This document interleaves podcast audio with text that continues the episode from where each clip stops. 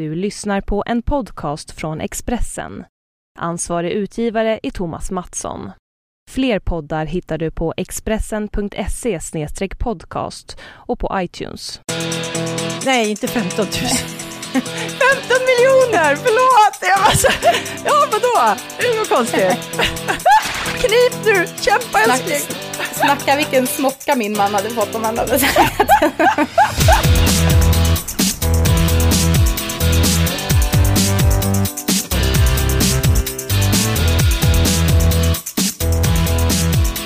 Välkomna hörni till eh, det fjortonde avsnittet av vår podcast Anna och Pam om sport och sånt. Jag heter Hej, Anna. kul att se er igen. Och jag som Ja. alltid avbryter heter Pam. Nej, inte alltid va. Vi är ganska bra på att avbryta båda två. Men vi är bra på att prata i munnen så att vi hoppas att ni ändå kan höra vad vi säger. Vi blir så ivriga ibland nämligen. Ja, men vi det, hoppas ja, att, ni det är ju så också, himla roligt kul. att ni också vill vara med och diskutera. Och då kan ni göra det utan att bli avbrutna på vår eh, Facebook-sida, Anna och Pem till exempel. Där kan ni få skriva hur långt ni bara vill, utan att Vi hade annan än ni faktiskt- själva bestämmer när det är dags att sätta punkt. Vi hade Bra, faktiskt födelsedag, Anna och, och Pam.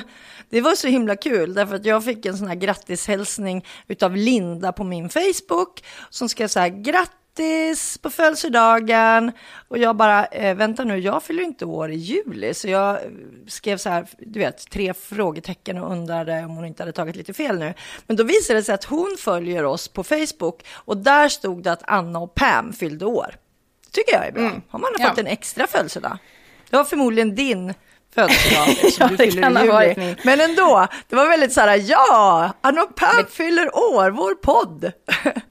Alla tillfällen att fira är bra. Jag tänkte vi Mm. drar igång med veckans första rubrik. Och nu, veckans...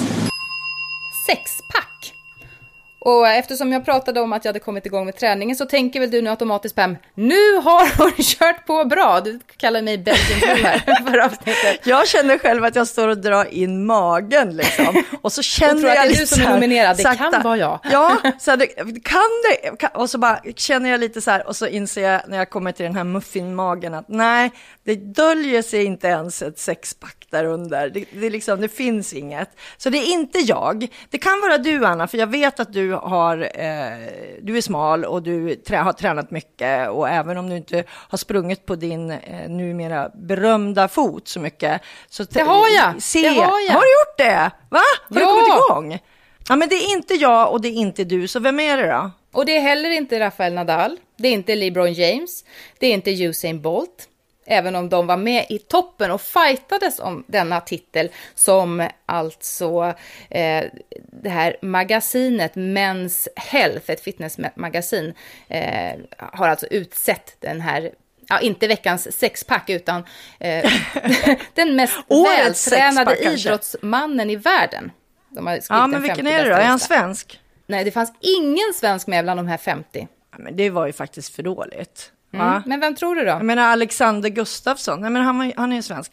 Ja okej, då ska jag tänka efter då. Ehm, det måste kanske vara en eh, fotboll, nej inte fotbollsspelare. Jo, det måste jo, vara en det fri, är är det. det. en fotbollsspelare? Det är en fotbollsspelare. Är det inte han den här stora brasilianaren då? Hulk tänker du på. Ja, ja, precis. Det är inte För- Hulk. jag menar- Kriterierna eh, som de har tittat på var smidighet, styrka, uthållighet och snabbhet. Ja, då säger jag Zlatan, men han är svensk. Han, ja, kom igen nu, bättre kan du. nu har du ju Ja, fått så mycket säger- ledtrådar.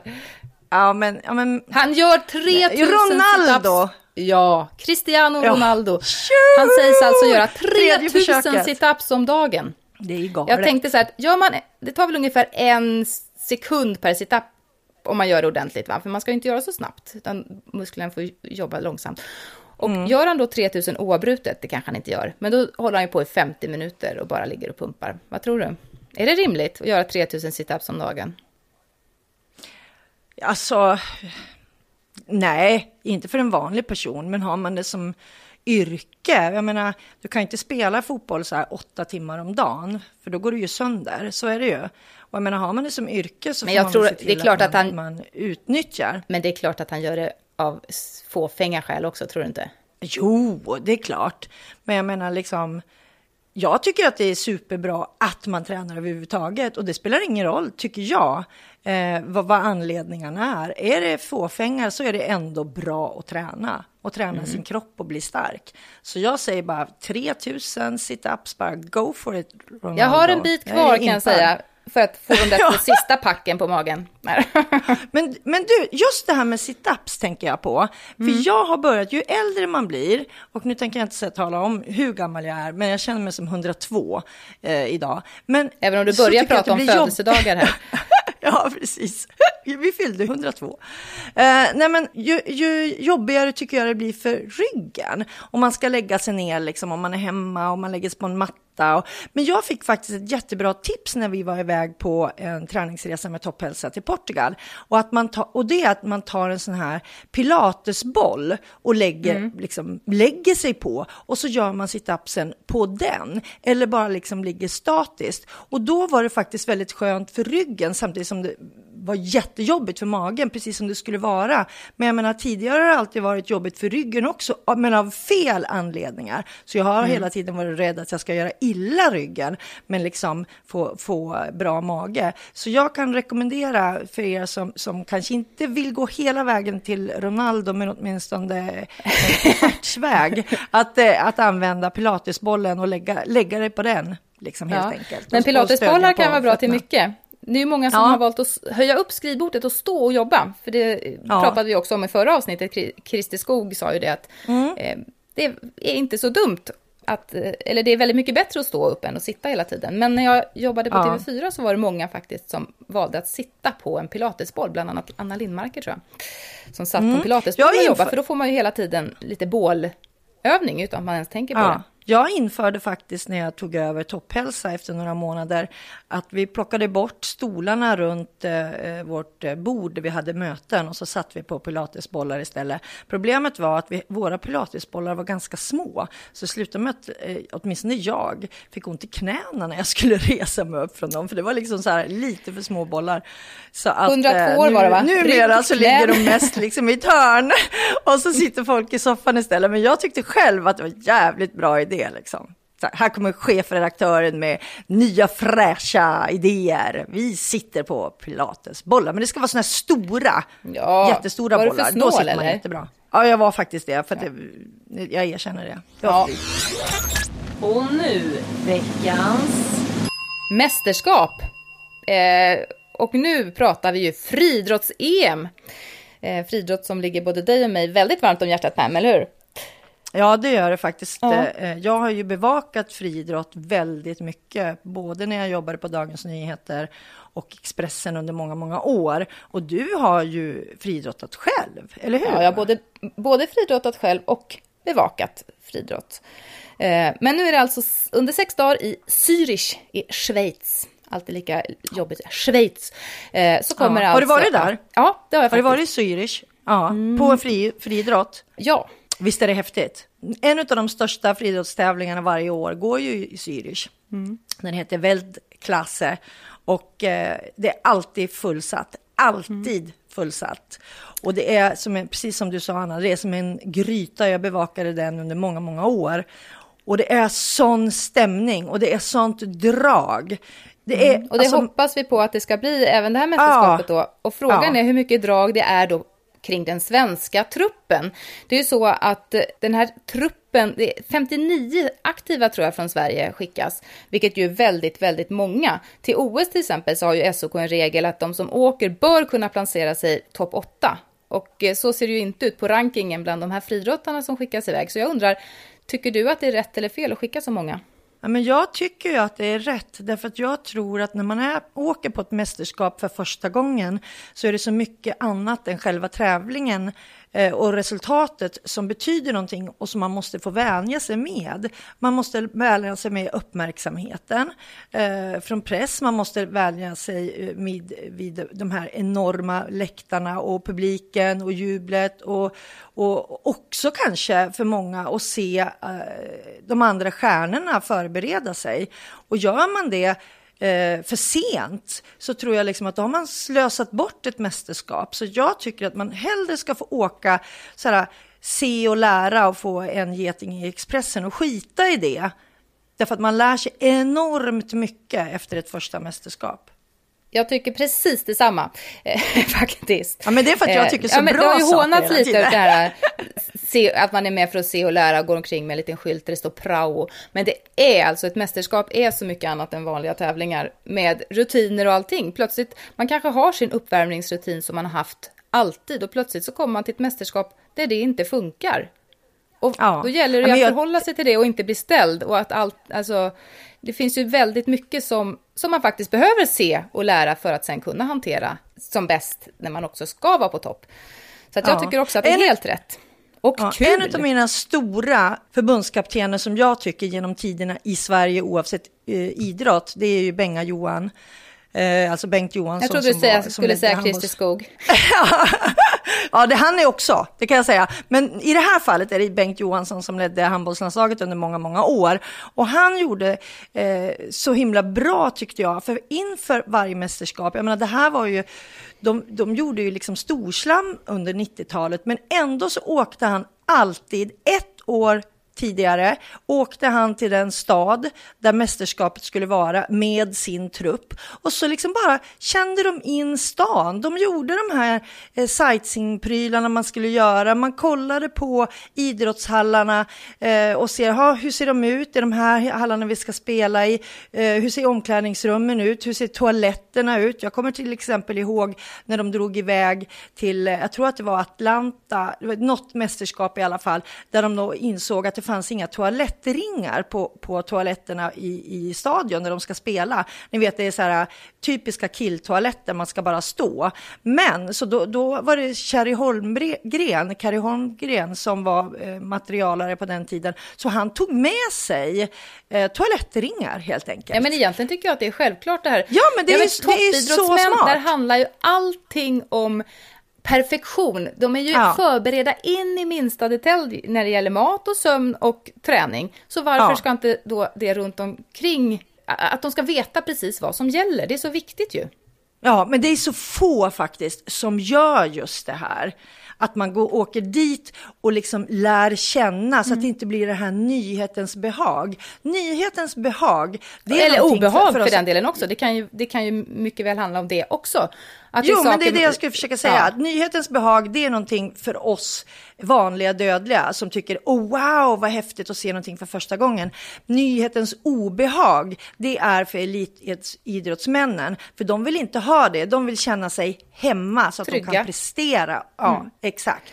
Så faktum var att det var därför jag tyckte det var lite konstigt, eller tycker fortfarande att det är lite konstigt. Vi har ju ett stort eh, skid-VM bakom hörnet 2015 i februari i Falun. Och att inte svenska skidlandslaget då har legat och bara nött, nött, nött på banorna eh, lång tid innan, det förstår inte jag. Nu pratar vi friidrott, Ja, jag vill bara vi säga kommer det. säkert återkomma till, eh, till skidorna när det närmar sig. Stor trupp, heja Karin Torneklint säger vi till det då. Men svensk friidrotts framtid då? Ha, ha, har, har vi någon framtid? Vi har ju varit så otroligt bortskämda med framgångar, eh, lilla Sverige. Ja, Hur och tycker det du att framtiden ju- ser ut? Ja, men jag tror ju att det, det, kom, det kommer ju flera eh, unga, det såg vi ju bara på det här J-VM som gick bara för några veckor sedan, där vi hade flera medaljer faktiskt. Inte bara eh, Irene Ekelund liksom, som, som tog silver, utan vi hade ju Sofie Flink och vi hade ju den här Andreas Almgren, före detta fotbollsspelaren i AIK, som helt plötsligt liksom slog, slog igenom på, på en, en eh, långdistans. Ja, Så där har vi inte 800 haft meter. någon- Det räknas vad inte som fan, långt, Det är långt, det är så jävla långt. Det- är den jobbigaste, jobbigaste distansen Medeldistans ever. kallas det i alla fall. Om jag ska vara en sån där Messerschmitter. Ja, men, ja, men, ja, det är du. Mm. jag, jag är den här positiva, långdistans, skitbra jobbat. Nej, men så jag tror absolut att vi har en, en framtid för friidrotten. Men det vi ska komma ihåg det är att det, det, är liksom, det är inte varje år eller ens var tjugonde år som vi har de här när, där fyra stycken kommer fram samtidigt. Jag tänker på Carolina Klüft och, Stefan Holm och eh, Christian Olsson. Kajsa Bergqvist. Och, och, ja, Kar, Kajsa, som liksom alla presterar samtidigt och vi har, så att Sverige liksom regerar Mm. nästan. Eh, det är ju enormt sällan. Men det finns ju. Och jag tänker så här, det finns säkert otroligt många där ute som man inte når. Alltså, varför skulle inte vi i Sverige kunna hitta bra sprintrar till exempel, som har kommit fram nu? Vi har ju inte haft någon på på medeldistans eller någonting. Men då kan jag berätta liksom... för dig ja. att i, SM, senior-SM, eh, ja. för förra helgen, så eh, var det extrem bredd, framförallt på herrarnas 100 meter. Alltså, då pratar vi sprinternas sprintgren. Jag eh, tänkte ju säga att jag sa, jag sa medeldistans. Ja. jag hoppas att de hade bättre tider i så fall om det var sprint. Ja, eh, det, var liksom, det är inte de här topp-topp, men det har aldrig varit så svårt att ta sig till final. Det är många som är ungefär lika bra och lika snabba och riktigt snabba. Så Sverige har nu bestämt sig att göra en jättesatsning på stafett. Eh, fram till 2020 Eh, Sverige har alltså många, både på herr och damsidan, snabba, men det är ju väldigt svårt ändå just i sprintgrenarna. Där är det ju Jamaica och USA nästan för hela slanten, att slå sig mm. fram i världseliten. Men i stafett så, så går det. Jag får passa på att skryta lite. Min syster Karin Matton Jernberg är tillsammans mm. med Anneli Johansson stafettgeneral för Sveriges damer i den här satsningen. Vi får ta in henne någon dag ja. tycker jag och så får hon berätta om den satsningen. Ja. För sånt där är ju kul tycker jag. Holland har ju bland annat gjort en sån här satsning. Eh, kan du någon namnet på någon holländsk sprinter? nej, nej, nej, Men de är ju nästan alltid ändå med i ja. mästerskapsfinalerna. För att de är så grymma på växlingar. Alltså, jag är man kan ju tjäna på, så enormt mycket. Alltså meter pratar vi om i att vara då, duktig på växlingar. USA, ja. de är ju kassa jämt. De har ju väldigt mycket ja, individuella bra, men de springer ju ja. in i varandra eller växlar över eller mm. de tjänar ju ingenting i växlingarna. Om jag sträcker fram min arm så långt det går och den jag växlar till sträcker bak sin arm så långt det går, vi kommer båda i maxfart, så är det ju ohyggligt mycket vunnet. Så att den här satsningen men... tror jag såklart opartiskt nog stenhårt på.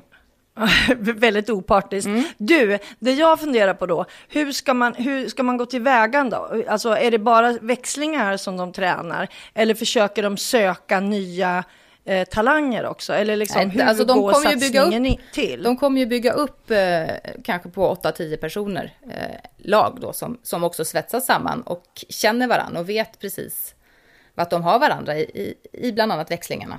Men så mm. att det blir ett starkt eh, minilandslag i landslaget, så att säga, ett stafett, eh, stafettlandslag. Då kan jag liksom komma med, med ett förslag till dem. Eftersom det är din syster då så, så lyssnar hon säkert på den här podden. Så kan hon Nåde liksom henne annars. Ja, ja, men precis. Uh, nej, men för att i, i, Australien till exempel så finns det någonting som heter Talent ID. Och där går man då från australiska eh, förbundet ut, um, Australian Institute of Sport, eh, går ut och eh, testar ungdomar som vill förstås eh, på en riktigt hög nivå och kan då genom ett så kallat Talent ID se vilka eh, grenar och vilka typer av idrotter som de här personerna i 14-årsåldern skulle passat för. Mm. Och jag tänker att varför har man inte gjort en sån grej i Sverige? Varför har man liksom inte människor som, som går ut kanske i, i förorterna och gör de här Talent ID och ser, vi har säkert enormt med löpartalanger där ute som inte får plats. För jag vet att bara i Stockholm till exempel är det jättesvårt att få plats i en friidrottsgrupp. Men så är det ju nästan i alla liksom... idrotter, tyvärr, att man måste stå ja. i kö i massa år om man ska Ja men precis, och, och du, du, du, tappar ju då de här talangerna som finns där ute. Och man, man kan liksom mäta redan faktiskt i 14 års ålder vilken idrott skulle passa dig bra. Jag menar, ska du vara sprinter till exempel, då ska du vad jag förstår kunna springa liksom nästan otränad eh, under 11 sekunder när du är 14 år, annars kommer du liksom aldrig, eller 15, då kommer du aldrig kunna bli en riktigt bra sprinter. Du ska ha smala vader till exempel. Det finns massa sådana här saker som man skulle kunna utnyttja eh, och det tycker jag att förbundet ska ta upp och titta på, se och lära av eh, Australien. Ja, för de är ju verkligen en friidrottsnation. ja, ja, ja. Nej, men alltså, det är en liten, det bor ju bara 15 000 människor där. Och kolla liksom hur många, hur många eh, OS-medaljer de tar varenda sommar-OS jämfört med Sverige. Jag menar, titta på simningen till exempel. Och även friidrott Vad sa du nu? ju- Det bor 15 000 människor där, vad säger du? Är det inte så? En jätteliten nation. Nej, nej, inte 15 000. 15 miljoner, förlåt! Jag var så, ja, vadå? Är det något konstigt?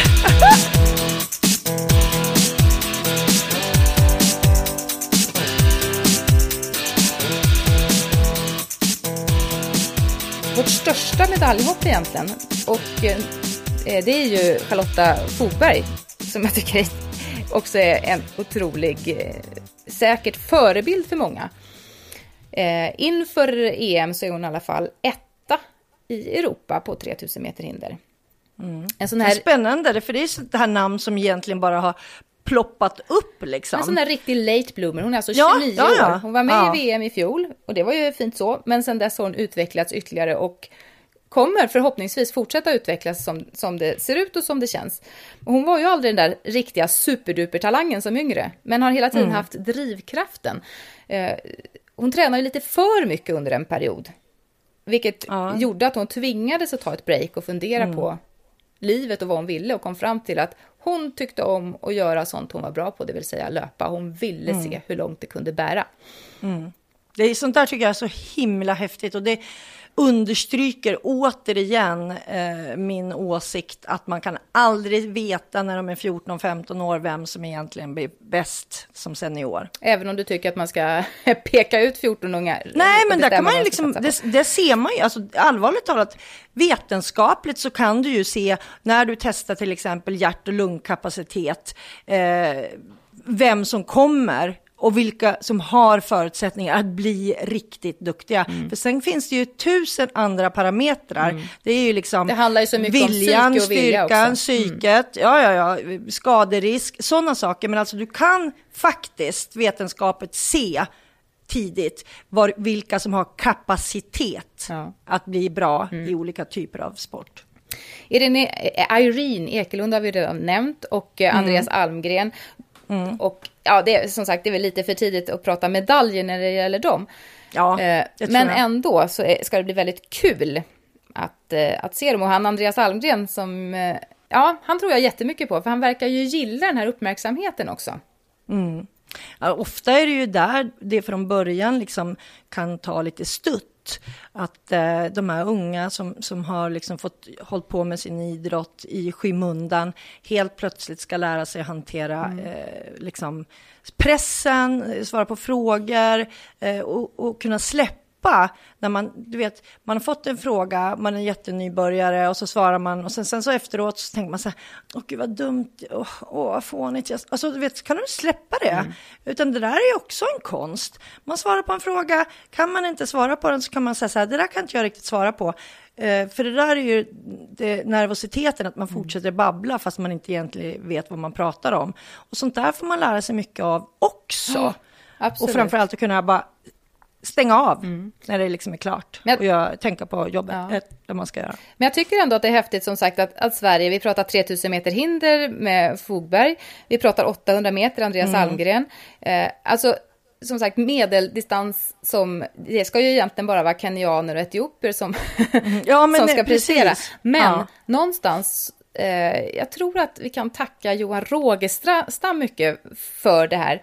Eh, han gick ju 2009 och vann ungdoms-VM och slog kenyaner, Etiopien, rubbet. Och han fick ju rubriker som bara den då. Och eh, amerikanarna på det här eh, ungdoms-VM gick ju fram och ville autografer för de hade ju aldrig sett maken. Och, och, och plötsligt blev det ju det som var så ouppnåeligt, att slå kenyaner och att, att vinna VM. Och han var dessutom ett år yngre än de han tävlade med, han var bara 16.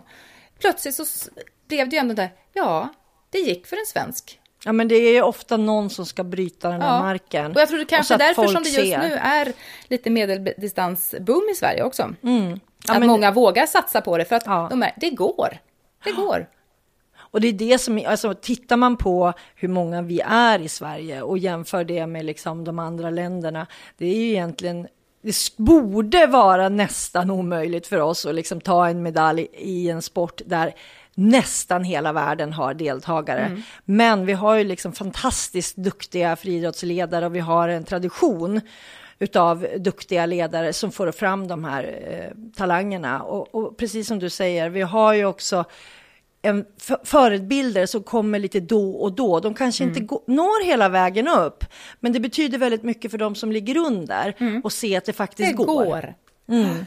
Sen så, det är häftigt. Ja, sen håller jag väldigt mycket tummarna. Jag tror, inte, jag tror tyvärr inte riktigt på honom i det här eh, EMet, men jag håller ändå tummarna för Michel Tornéus. Jag har följt ja. honom under massa mästerskap eh, och han är en väldigt, väldigt sympatisk människa som, eh, jag gillar honom. Eh, men som jag eh, inte, han har inte riktigt huvudet med sig. Han har verkligen fysiken och kapaciteten, men inte mm. riktigt huvudet med sig. Eh, jag led ju, om man nu kan le, lida med någon som, som ändå blir eh, fyra på OS. Fyra, ja, eh, men ja. en centimeter från brons. Ja, fy fan. Och just den där hemska fjärdeplatsen. Mm. Den är hemsk. Mm. Alltså, en och en halv centimeter så har han ju varit på på pallen, eller en, mm. då det varit delat liksom. Men så, nej, fan. Så man tycker väl, är det någon som borde ha turen med sig nu då? Ja, vi håller tummarna i alla fall. Även om européerna ja. faktiskt är riktigt bra på längdhopp. Ja. Eh, sen så har ju Tornés alldeles nyss blivit pappa också. Det här kan ju också spela in lite, lite sämre sömn och så. Men det kanske han har vant sig vid nu. Så nu kommer han supertaggad. Mer taggad än någonsin kanske. det, är synd att det inte finns någonting som heter så här pappa-endorfiner. som det finns för kvinnor som blir mammor. Jo, kanske, kanske. ja, han, han, får, han, får, gärna liksom motbevisa att det finns det visst. För kvinnor som kommer, går hem och föder barn kommer ju ofta, säger man ju. Som Susanna Kallur fler, ja, till exempel. kommer tillbaka mm. och, och, är riktigt eh, stark. Mm. Eh, så att vi hoppas på pappa endorfiner för Torneos, helt mm. klart. Jag ska åtminstone sitta och titta. Om jag har tid, jag ska ju för fan gifta mig också. Ja. Jag har glömt bort det. det är ju nu på lördag. Och nu veckans tankar. De skickar vi nämligen allt vad vi kan till Caroline Taxén, friidrottshoppet i just längd och tresteg som för eh, några dagar sedan fick beskedet, samma besked som du fick för två år sedan Pam, att hon mm. har en mm. hjärntumör. Den är fem mm. centimeter stor och har tydligen funnits i hennes hjärna ett bra tag. Mm. Eh, och hon är precis som du väldigt öppen med det här eh, och skriver på sin blogg om allt. Hon skriver bland annat så här, hur gör jag nu med skolan? Träningen, allt jag brinner för, får jag lägga det åt sidan? Hur länge? Tänk om mitt högra ben ligger av, tumören ligger nämligen och trycker så pass. Tänk om mm. mitt tal försvinner, tänk om jag blir blind på ena ögat. Tänk om jag får en hjärnskada, usch fy nej. Om någon där ute har bra tips hur man kan lära sig att acceptera stora omprioriteringar i livet, tell me. Jag hade ju en plan. Mm. Jag känner igen det där så jävla mycket så det gör ont i hjärtat faktiskt när jag hör detta. Jag ska skicka henne min bok kanske. För det går att göra förstås eh, det mesta. Vissa saker får man lägga åt sidan hur, hur ont den gör, för så blir det ju. Nu är det ju så här att det finns ju liksom 200 olika sorter utav hjärntumörer. och Det är omöjligt utan att veta liksom var ligger den vilken typ av tumör är den, att kunna ge liksom ett, ett eh, råd som gäller alla. Det går liksom inte. Men det, det jag har åtminstone upp, liksom levt, det är ju att eh, man måste först och främst acceptera vad som har hänt. Och sen får man göra en ny plan för sitt liv. För så mm. är det. Eh, man blir aldrig densamma. Det måste man liksom acceptera innan man kan gå vidare. Det sa läkarna till mig. Och det, det känns tufft att höra, men så ju snabbare man accepterar det, desto bättre. Och, och de sa ju att ditt liv kommer från och med nu aldrig att bli detsamma. Det betyder inte att det blir ett sämre liv, men Nej. det blir inte lika som innan. Och där måste man liksom kunna se vad finns det för prioriteringar som jag kan göra i det här nya, mitt nya liv liksom. Kan jag inte springa på grund av att tumören ligger och, och, trycker på någonting som går ner i benet, då får jag göra någonting annat som säkert eh, är lika bra, fast annorlunda. Och hur ska mm. jag tänka? Jo, man ska gå vidare och man ska också se till att man har någon som är duktig. Hon är ju en idrottare. Jag var ju inte det. Och jag hittade liksom en, en, en tränare som jag nu ska gifta mig med på lördag, så han är ju tyvärr upptagen. Eh, så, som hjälpte mig att liksom göra hela det här paketet för mm. att jag skulle bli så, känna mig så frisk som möjligt och stålsätta mig så mycket som möjligt inför operationen. För att jag menar, de gick ju in i min hjärna och tog det de kunde ta. Och nu har mm. inte jag någon aning om hur det är i det här fallet. De kanske kan ta bort hela, eller det kanske är som för mig, att man bara kan ta bort en liten del. Och sen så kommer det ju strålning och så kommer det ju cellgifter. Eh, och eh, ja, det är en jävla tuff resa, men jag kan bara säga det att det går. Med en sju jävla virja så, så går det. Men vad gör man av rädslan tänker jag? För jag tycker ändå när jag läser hennes blogg så är det ändå mycket rädsla. Eh, såklart, när man får ett sånt här besked. Vad händer? Vad gör ja. jag om? Vad, ja. ja men det är fruktansvärt. Och, ja, men rädslan kommer man ju få leva med. Jag är ju rädd fortfarande, två år senare. Man är alltid rädd, men det handlar liksom om att man låter ventilen liksom öppnas, öppnas lite då och då, känner jag. Man kan inte gå och hålla hela den här rädslan inom sig hela tiden, utan man, man, jag tillät mig till exempel att okej, okay, Idag får jag gråta, ikväll får jag gråta, jag får gråta tre timmar, jag kan, vad det nu är. För det viktiga är att man inte stannar i det stadiet, för det är ju väldigt lätt hänt att man liksom blir väldigt deprimerad. För det blir mm. inga enkla svar i en sån här sjukdom. Och att man liksom tittar, försöker titta på det som jag faktiskt kan göra istället. Vad kan jag påverka? Och lägg energin på det man kan påverka. Kan jag träna det här? Vad är det som är viktigt? Vad säger läkarna? Vad, vad, vad är viktigt så att jag är stark någonstans? Jag ska jag vara stark i psyket? Ska jag vara stark i kroppen? Eh, kan jag träna upp benet redan nu? Och sådana där mm. saker. Men att man också lå, tillåter sig själv att vara en liten skrutt och gråta ända in i kaklet. Och sen när man har gjort det så bestämmer man sig, okej, okay, bra, nu var det där kört, nu går vi på planen igen. Och nu kör mm. vi igen, nu är andra halvlek liksom. Nu, nu är det dags för nästa lopp. Men man måste få vara rädd, för mm. det är man. Eh, hon säger att det som har hjälpt henne de här dagarna är också all, all pepp och all stöttning från alla er där ute. För det mm. betyder ju väldigt mycket såklart att man känner att man inte är ensam. Ja men precis, Nej, men så var det ju för mig också. Jag bestämde mig ju efter en månad att vara offentlig i den här sjukdomen som jag fortfarande kämpar mot faktiskt. Och eh, det betydde väldigt mycket att få den här peppningen från, inte bara vänner, utan också från andra människor och få liksom eh, kunna gå där med rakt huvud och veta att alla vet de som... Jag tyckte det var jobbigast innan jag gick ut. Att när man möter människor, liksom, vet de eller vet de inte? Måste jag hela tiden förklara? För det är jävligt jobbigt. Jag tycker det var kanon att jag gick ut och, och sa det här så att åtminstone de som är i ens bekantskapskrets krets och de man jobbar mm. med och allt det här vet hela tiden. Och så kan de gå in på bloggen och så kan de läsa där så behöver de inte fråga hela tiden. Mm. För man vill ju inte bara prata om sin sjukdom, det är ju skitjobbigt. Men ändå att man vet, man, man har stödet i ryggen och man har, har er i ryggen. Så ja, Caroline Taxén, alla våra tankar.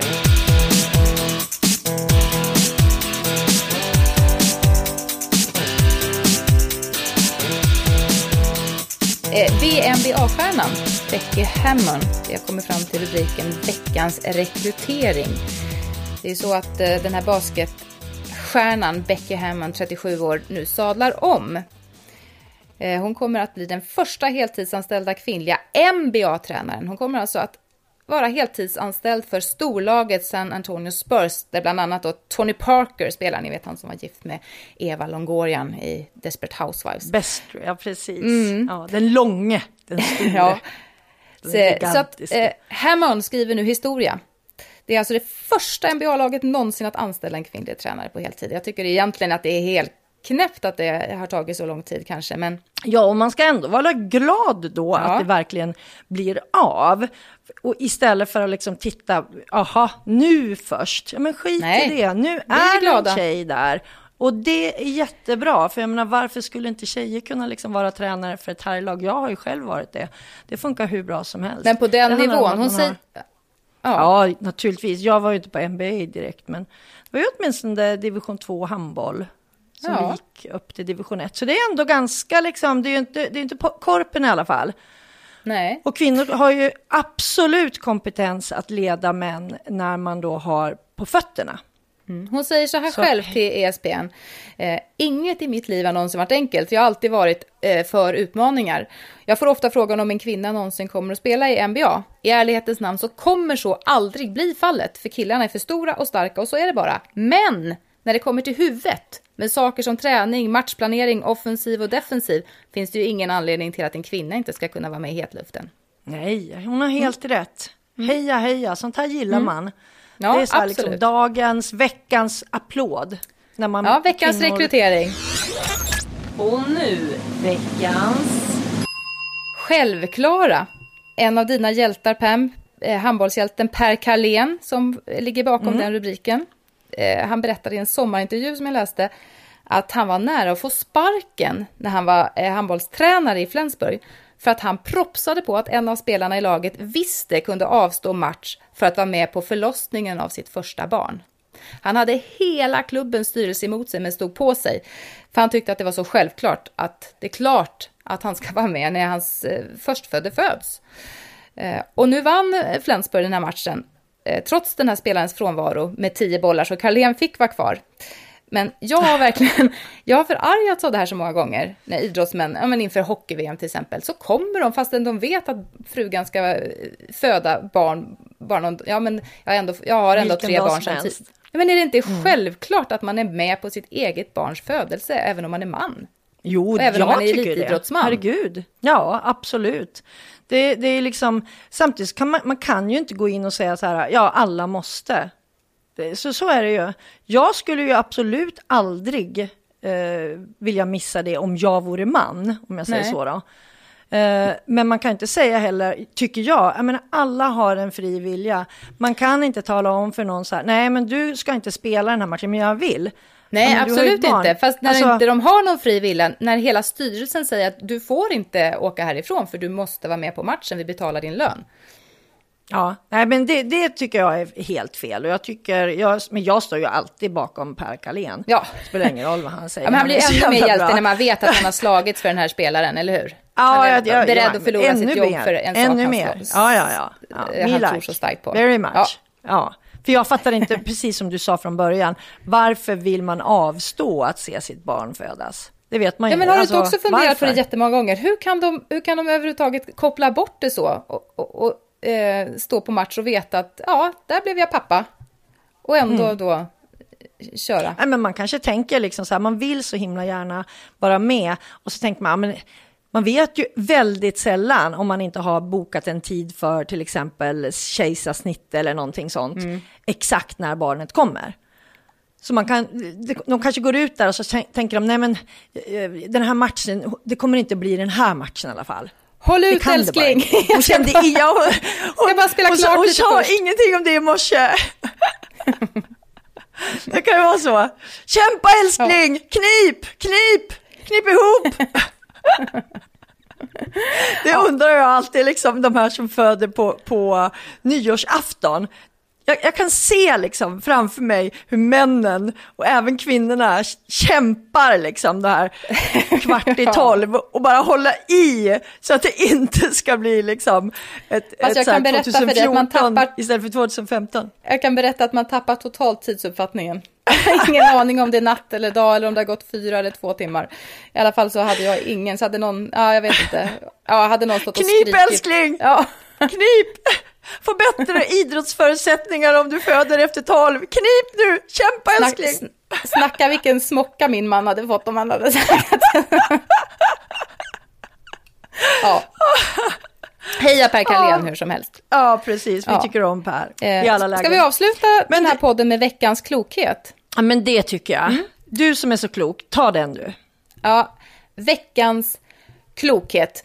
Eh, Det är inte jag eh, faktiskt som har kommit på detta, även om jag har tänkt en hel del på det eftersom jag har tre döttrar själv. Jag har läst där i Huffington Post hur du ska prata med din dotter om hennes kropp. Den här artikeln inleds då frankt med att konstatera att det ska du inte göra. Du ska bara lära henne hur det funkar. Eh, okej. ja, men, ja, men som mamma, eller pappa heller för den delen, ska man inte hålla på och kommentera om eh, ens eh, barn, eller framförallt dotter kanske, eftersom anorexi och sånt är vanligare bland tjejer, men även finns bland killar. Så vi, vi, det får funka även på killar tycker jag. Man ska inte konstatera om hon har gått upp eller ner i vikt och inte kommentera om hon har snygg kropp heller. Istället då att man använder ord som att åh vad du ser hälsosam ut eller stark ut eller glad ut. Att man heller inte håller på att kommentera andra kvinnors kroppar varken positivt eller negativt men att man istället då eh, lär ut att man ska vara snäll och vänlig mot andra men att det inte ska ligga i att man har snygg kropp. Och att man då ska uppmuntra till, till rörelse, att man ska springa för att bli, fri med, eh, bli av med stress till exempel, eller klättra i berg, eller surfa eller cykla mountainbike för att utmana sig själv och hjälpa sin dotter att bli intresserad av fotboll eller hockey eller rodd eller vad det nu än må vara. Eftersom att sport enligt Huffington Post gör eh, tjejer till mycket mer självsäkra kvinnor. Det låter helt självklart för mig. Ja. Uh, det är liksom så här, så gör man väl som, som vanlig Nej, det tror Svensson, jag inte liksom. alls. Jag tror att det är jättemånga, för vi lever ju i en extremt utseendefixerad värld. Det är ju inget att, att säga om. Och jag tror absolut att de allra flesta får höra eh, någon yttring om hur de ser ut. Även ja, av sina föräldrar. Nej, men det, det, ja, ja. Det är tragiskt tycker jag. Jag mm. tycker liksom, men vi pratade ju för några nummer sedan här av podden att eh, stark är det nya smala. Mm. Jag tycker att liksom stark och frisk, det är sådana här ord som man eh, kan slösa med och ödsla med och glad och, och älska. Mm. Sådana ord ska man säga mm. till sin dotter, mm. tycker jag. Men det är ju ändå lätt att komma åh, vad, vad fina smala ben du har eller ja, oh, Gud, vilken platt, snygg mage. Ja. ja. Nej, Nej. bort med det. Usch mig. Men... Så det får ni inte säga tjejer till era döttrar. Men jag, alltså de som lyssnar på vår podd tror inte jag säger, de, de kan inte vara så osmarta. De, de säger så här, gud vad bra du gjorde idag. Vilken fantastiskt bra ja. eh, volt i vattnet du gjorde. Vad duktig du var. Vad kul det Var såg ut, vad kul gör. du såg ja. ut att ha. Den är ju bra ja, också, för då lägger ja, man inte ens någon värdering i det, utan bara Nej. liksom ingen prestation på det sättet, utan åh, vad, vad härligt det ser ut att du har så kul. Ja, eh, och ja det är att, helt rätt. Ja, och påminna, påminna då om att vad man kan göra med sin kropp. Du kan mm. springa mm. maraton med dina ben om du vill.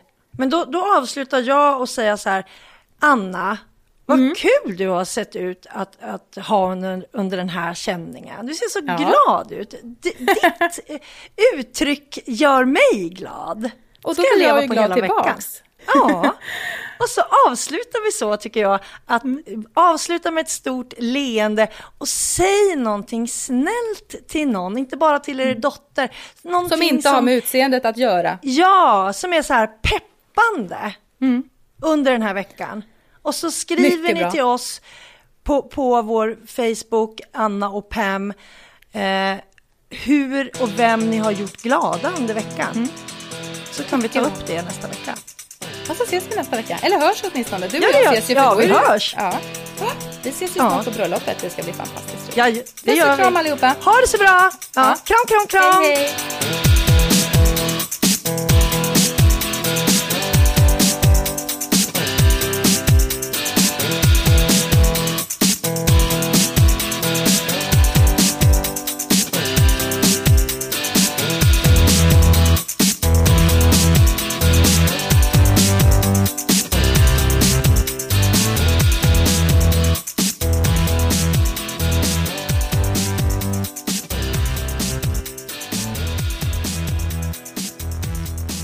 Du har lyssnat på en podcast från Expressen. Ansvarig utgivare är Thomas Mattsson. Fler poddar hittar du på expressen.se podcast och på iTunes.